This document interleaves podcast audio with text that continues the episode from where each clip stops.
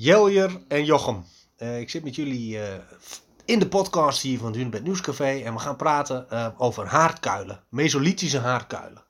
Um, nou, laat ik met Jochem beginnen. Jochem, wat kun je daarover vertellen? Over de mesolithische haardkuilen in het algemeen hier in Noord-Nederland? Um, nou ja, de haardkuilen is eigenlijk een, een archeologisch fenomeen, wat wij dus in Noord-Nederland veel zien. En mm. eigenlijk is het naast vuursteen de grootste vondstencategorie die wij hebben.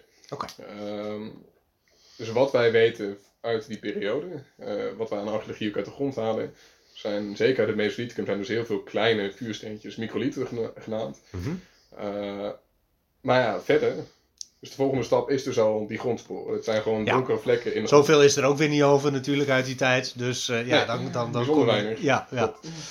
Um, uh, ja, wat ik nog niet verteld heb, maar jullie hebben hier, even kijken, was het nou, is het alweer eind vorig jaar of begin dit jaar, zijn jullie begonnen met experimenten. nou ja, rondom haardkuilen. Dus, dus ja, oké, kun je nabootsen hoe dat ongeveer in zijn werk is gegaan.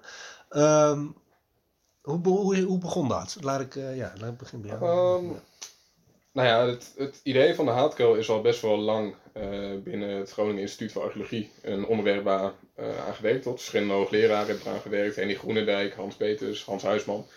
Mm -hmm. uh, en het interessante is, we hebben er heel veel van. Op sommige plekken zelfs meer dan duizend. zoals bijvoorbeeld in Nieuw-Pekela. Mm -hmm. okay. Maar de precieze functie is nog steeds niet vastgesteld. En we weten dus eigenlijk niet wat ze gedaan hebben. We weten hoe oud ze zijn en dat zal allemaal in die periode horen. Mhm. Uh, en daar vandaan, omdat we die functie dus willen onderzoeken, uh, is dus eigenlijk al werk gedaan door Hans Huisman bijvoorbeeld en Hans Peesters. Dat zijn twee onderzoekers en docenten op het GIA. Ja. En wat de aanslag is geweest voor ons onderzoek is een uh, geomorfologisch onderzoek van Hans Huisman. Okay. Wat hij eigenlijk gedaan heeft, is dat hij uh, de restanten in zo'n haatkuil uh, op microscopische schaal heeft bekeken. Om te kijken van, hé, hey, wat zit hier nu eigenlijk in? En ja. hiermee heeft hij aangetoond dat er zeker in vroegere vooral heel veel uh, dennenhout in zat. En ook dat stukjes van die den dus al aan het overvloeien waren in teer. Aha. Dus dat het, nou ja, dat is een aanwijzing geweest dat het dus om teerproductie ging. Mm -hmm. En nou ja, teerproductie is al vaker uh, geopperd dat dat een mogelijke verklaring hiervoor was. Dat is okay. trouwens wel interessant, niet iedereen is het hiermee eens. Een onderzoeker in België die is nog steeds van mening dat het uh, ja, om verbrande mierenhopen gaat.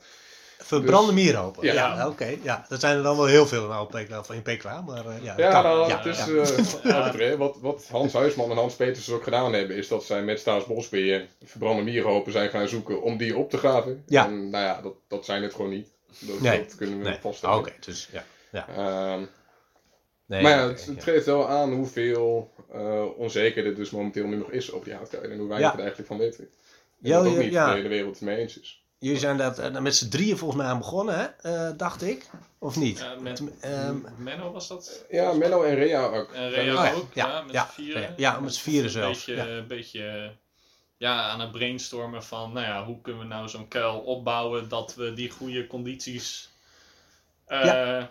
krijgen om, nou ja, teer dan in te produceren. Dat was ons doel eigenlijk. Dus dan kom je dus in het, uh, nou, op het experimentele archeologische vlak van, Ja. oké, hoe zouden ze het gedaan kunnen hebben? Ja, precies. Ja, nou ja, we weten dat ze 60 centimeter de grond in zitten, ongeveer 50, 60 centimeter. En dan, dan is het van, nou ja, we weten wat voor hout erin heeft gezeten. Ja, dat hoorden we net natuurlijk ja, al. dennenhout. Ja. Dus dan, eh, nou ja, dan kan je al wel een, ja, iets gaan bouwen, zeg Ja. maar, als het ware.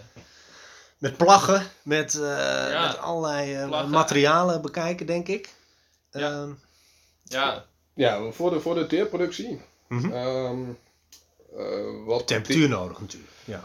Temperatuur, maar vooral heb je speciale omstandigheden nodig. Uh, Mhm. Eigenlijk is uh, teer eenzelfde soort product als houtskool.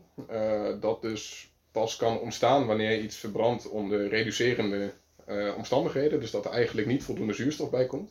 Aha. Uh, en dat op die manier dus niet compleet verbrandt, uh, maar dat het begint te vloeien. Dus het is, uh, dat is dus wat wij moesten gaan nabootsen. En op Ja. welke manier krijgen wij dus eigenlijk binnen in de kuil een soort half afgesloten ruimte waarin uh, dat dennenhout de mogelijkheid heeft om tussen voor mij 400 en 600 graden reducerend te verbranden. Ja. En ja, dat hebben wij geprobeerd. Dus toen zijn jullie hier op het terrein van het Hunebedcentrum kuilen gaan graven, eigenlijk. Ja, ja, ja en, vol, en volstoppen met, eh met dennenhout. Waar we, Mhm. en nou ja, eh, wat Jochem ook wel denkt dat het ook vooral beuk is geweest. Of eh, berkenbast, sorry, berkenbast. Nou, zeker later. Je ziet, Ja. je ziet eh, in het landschap dat eh, na verloop van tijd de hoeveelheid dennen afneemt en de hoeveelheid berken eigenlijk toenemen. Eh, en je ziet ook dat eh, dat volgens mij terug in de houtsoorten van die haatkuilen. Dus als we zijn, heel veel haatkuilen zijn onderzocht. Ja. En in de eerdere zien we meer berk, of meer den. En in de latere eh, speelt berk een grotere rol. En dan heb je het nog steeds in die meso Mesolithische periode. Dus over, Ja. van, Ja. zeg maar vanaf 11.000 eh, naar 7.000 of, of, of 5.000. Hoe, hoe, Ja, dat volgens mij, ik weet het niet heel zeker, maar volgens mij kunnen we de, de meeste haatkuilen eh, plaatsen vanaf het midden tot, tot Mhm. eh, zeg maar het laat-Mesolithicum. Dus het is ja. niet dat we moeten denken in dat echt die hele vroege fase net na de ijstijd, dat ze toen daar al mee bezig waren. Nee. Maar Mhm. het is wel dus dat je al moet meenemen dat er een overgang in landschap zit. Mhm. Dus eh, Nederland, wat gedurende de middensteentijd nog voornamelijk eh, ja, boreaal was, dus veel, Mhm. veel dennenbomen, ook wel berken er doorheen. Eh, dat verandert eigenlijk omdat het opwarmt naar een meer loofbos, zoals we dat nu Ja. hebben. En, Oké. Eh, Ja. In die transitie verandert dus ook de inhoud van die haatkuilen. Logischerwijs, ja, omdat Ja. het meer voorhanden was. Ja, eh, in, ja, oké. oké. Ehm, nou, nu zijn jullie daar dus een, een, een behoorlijke periode al mee bezig. Wat hebben jullie eh, zo al ontdekt? Hè, dus, nou oké, dit is een onderdeel daarvan. Ja, onze, nou, dat onze eerste versie van de haardkuil werkte niet. Nee. Zoals we het wouden. Dan kregen we niet de goede condities ja, voor, als het condities ware. voor. Ja, de goede reducerende verbranding. Mhm. Nou ja, het, het eerste ontwerp wat we hadden is dat we het eigenlijk gewoon een kuil hadden gegraven die gevuld hadden met dennenhout en dat afgedekt hadden met zoden. En vervolgens zouden we daar bovenop vuur stoken. Ja, dat was Eh, en nou ja, we hebben eh, die temperaturen gemeten en nou ja, het kwam een, niet een boven laag de zoden, 100 daar komt gewoon niks aan temperatuur doorheen. Dus Nee. het moet echt een warmtebron dichter bij eh de daadwerkelijke stof die we overzetten eh naar teer komen dan, ja, het kan niet met een laag zoden. Nee. Mhm. Daarmee zijn we verder gegaan. Ja, toen hebben we nou ja, gewoon het vuur eigenlijk ja, ingepakt in zoden. Dus we hadden de, den, eh, de kuil vol met dennen, daarbovenop een vuur met eikenhout. En Mhm. nou ja, dat eikenhout hadden we dan om, ja, omgebouwd als een soort nou ja, kleine Teletubby-heuvel als het ware. Een, eh, ja, met zoden daar overheen gebouwd met een aantal luchtgaten die we dan eventueel dicht en open zouden kunnen doen. Ah, ja. eh, Ja. om eh, nou ja, het vuur brandende te houden. En dat leek in eerste instantie best wel te werken. En uiteindelijk hebben we daar ook mee, nou ja, eh, wat zwarte vlekken in zand gecreëerd. Waarvan we denken dat het teer is. Het begon op teer te lijken. Ja, precies. Nou ja, precies. het rook in ieder geval naar teer. Ja, het En dat is wel, eh, het was ook echt de laatste dag dat we daar toen mee bezig waren. Maar op een gegeven moment kwam er gewoon echt gigantische chemische lucht ook uit. Ja, Oké, En lekker. nou ja, dat, dat is voor ons wel een idee geweest. Oké, we hebben nu juiste omstandigheden kunnen creëren. Het probleem wat we nog wel ook hadden eh, de afgelopen keer is dat wij, nou ja, wij studeren in Groningen. En we moeten hierheen en we moeten ook weer terug. Ja, je kunt hem niet eh 48 uur eh, laten branden. Nee, maar dus eigenlijk al niet meer dan een zes uur. Nee. En dat is wel iets wat dus moeilijk is. We weten Mhm. als wij dat het gewoon meer tijd nodig heeft om zeg maar al het hout in die kuil om te zetten. Ja. Dat het dus langer moet branden. Eh, dus eh, wat eigenlijk idealiter of ideaal was geweest, is dat we op het moment dat wij de vorige keer de teer ro- roken, dat wij het toen nog eh 2, 3, 4 uur hadden kunnen laten branden. Ja, exact. Ja, Ehm, zodat het in- wat verder in het proces ja zou precies. Zou zijn we raken. echt een beetje Ja. aan het begin van die eh, omvorming, zeg maar. Want waar we het nog niet over gehad hebben, maar eh, oké, eh, dus nou, het zijn waarschijnlijk, zeer waarschijnlijk geen verbrande mierenhopen. Het zijn dus haardkuilen. eh, en, ehm, maar eh, was dat dan ook om teer te produceren?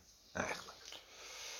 Nou ja, dat is wel eh, wat in ieder geval wij nu denken. Ja. Wel met de achtergrond dat eh, onze hoogleraren daar al onderzoek naar hebben gedaan. Dus we zijn Mhm. wel enigszins eh die- biased daarin. Of ja, die richting opgestuurd als het ware. Ja. Ehm, maar het is wel een, een heel bijzonder iets. Ehm, van de haatkuilen bijvoorbeeld die wij terugvinden op een plek, eh, bijna geen enkele is eh doorsnijd een andere.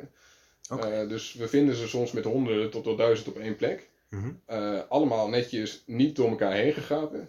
Vervolgens zien we ook dat eh, per jaar volgens, eh, ze komen ook telkens terug op dezelfde plek. Dus er zit, het is niet dat in dat ene veld waar er 100 liggen, of 1000 liggen, dat, die, dat er bijvoorbeeld de 100 in één jaar zijn gedaan. Nee, volgens mij hebben ze daar naar gekeken en was bijvoorbeeld in één jaar dat ze drie of vier hadden gedaan. Oké, dus het is echt eh, Ehm, constant. eh, ja. Ja, het is een plek dus waar ze terugkomen Mhm. om iets te doen. Ja. Wij hopen teerproductie. Ehm, maar het, het- ja, Ja, en het is ook een beetje gebaseerd op eh, etnografische bronnen, geloof ik. Hè? Dus, dus, dus eh, stammen die in Turkije of zo eh, dingen met, eh met haardkuilen doen, geloof ik. Of Uh, niet? nou, je hebt Tenminste- wel inderdaad nog op de hooglanden in, eh, in Turkije heb je inderdaad dat op een vergelijkbare manier dat van eh, in kuilen Mhm. eigenlijk teer wordt geproduceerd. We weten dat dat gebeurt inderdaad wel op meerdere plekken, ook in, in Noorwegen. Eh, gebeurt er nog redelijk veel. Ook in de vroeg-moderne periode nog, waarin het veel werd gebruikt voor de bootbouw. Dus Oh ja. daar zie je dat het echt op industriële schaal eh, gebruikt wordt. En Mhm. nou ja, dat is dus ook niet dat wij denken dat al dat teer gebruikt is voor boten. Maar het is Ja. wel een middel waarmee jij ehm, Dingen waterdicht kan maken, Ja. eh, dingen aan elkaar vast kan maken, zoals nou, speerpunten op Ja. stokken Een soort van lijm, als het ware, Ja, creëren. misschien. nee. ook een conserveermiddel. Dus ook je, je, je, het insmeren van je, je houten voorwerpen Mhm. met een, een vloeibare teer als denneteer, of eh werkteer, eh, kan zeg maar de, de leeftijd van je hout gewoon heel veel verlengen. En Oké. er zijn heel veel ja, eh, Dingen die je ermee kan doen. Zo, Ja. Nou ja, gereedschap, eh, het bouwen van hutten, eh, ja, van alles. Het, eh, het kouwen erop, want het is gewoon ook antibacterieel, of in ieder geval Mhm. Ah ja. Dus eh, er zijn, Ja. eh, als het goed is, archeologisch eh, ook stukjes teer met tandafdrukken. Oké, dus, teruggevonden. dus dat, er, eh, nou ja, dat erop gekoud werd Ja, om, om, eh, eh, om voor kiespijn uit te komen. als het ware. eh, Ja. ja. dat eh, geval in Turkije, wat je net ook noemde. Ja, ja. Eh, in datzelfde artikel stond dus ook waar zij het voor gebruikten. En daar gebruikten ze het bijvoorbeeld om in de oren te smeren van mensen wanneer ze opeindelden. Dus dat het hele oor gewoon dicht wordt gesmeerd met dus die teer. Ja. Eh, Ja, oké. dus er heel veel eh, ja, verschillende manieren om, om, om dat dan te gebruiken. En dat, dat zou ook een verklaring kunnen zijn waarom het jaar in jaar uit eigenlijk eh, eh, nou, gemaakt werd. Of in Ja, ieder geval, hè? ja. Als dat allemaal. Het is natuurlijk allemaal nog een beetje speculatief. Of Ja, het is het- moeilijk om wat echt helemaal. eh, ja, wij kunnen weinig hout maken nu. Ja. Ja, Eh, die zijn al best. Nou, je hebt al van allerlei dingen uitgeprobeerd. eh, ehm, en ehm, jullie gaan nog verder, begreep ik. Ja, ja, het eh, plan is om, nou, voor, om toch echt, zeg maar, we weten, nou ja, we hebben die chemische lucht geroken en we weten Mhm. dus dat het mogelijk is om daar, ja, nee, iets van teer, wat we denken, in te, in te produceren. En, eh, nou ja, eh, voor mijn eigen scriptieonderzoek wil ik dus gaan proberen om dat, ja, op een bewerkbare hoeveelheid te krijgen, zeg maar. En ook, nou ja, ja. dat een- Om echt genoeg eh, teer te gaan produceren, Ja, dat- zeg maar. dat dat Vanuit die Ja, nou, precies, twee of drie haarkuilen. Of... echt Ja. nuttig zou zijn geweest, zeg Mhm. maar.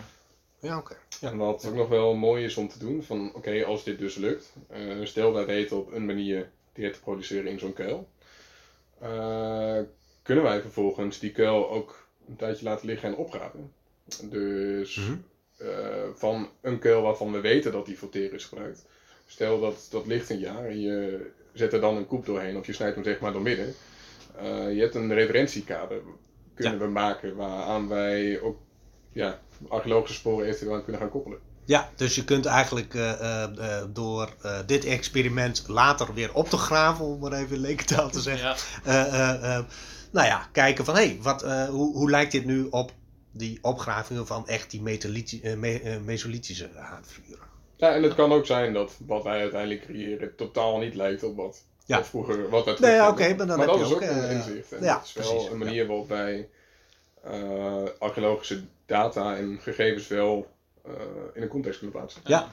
Ja. In plaats van dat het speculatief blijft. En dat is ook wel de waarde überhaupt van je experimentele archeologie. Ja, ja. Want het is niet per se dat je nou de, het, het- geen eh, wat je probeert te bewijzen. Dat hoeft, het is ook heel mooi als je het er niet mee bewijst. ja precies. Het, ho- hoeft niet Ja. per se te kloppen. Nee. Eh, maar daar doen we het onderzoek voor om te kijken of het klopt. Ja, dat maakt het ook experimenteel. natuurlijk. Ja, zeker, zeker. Ehm, kun je nog een beetje haardkuilen zien na al deze experimenten? Of, eh, Nou, de er wel. De lucht iets minder. De lucht kun je eigenlijk niet meer luchten. Nee, ja, oké. Nou ja, we waren hier dus, eh, eh, nou, ik denk, nou, een aantal keer zijn we hier geweest. Ja. En nou, we moeten dus terug naar Groningen.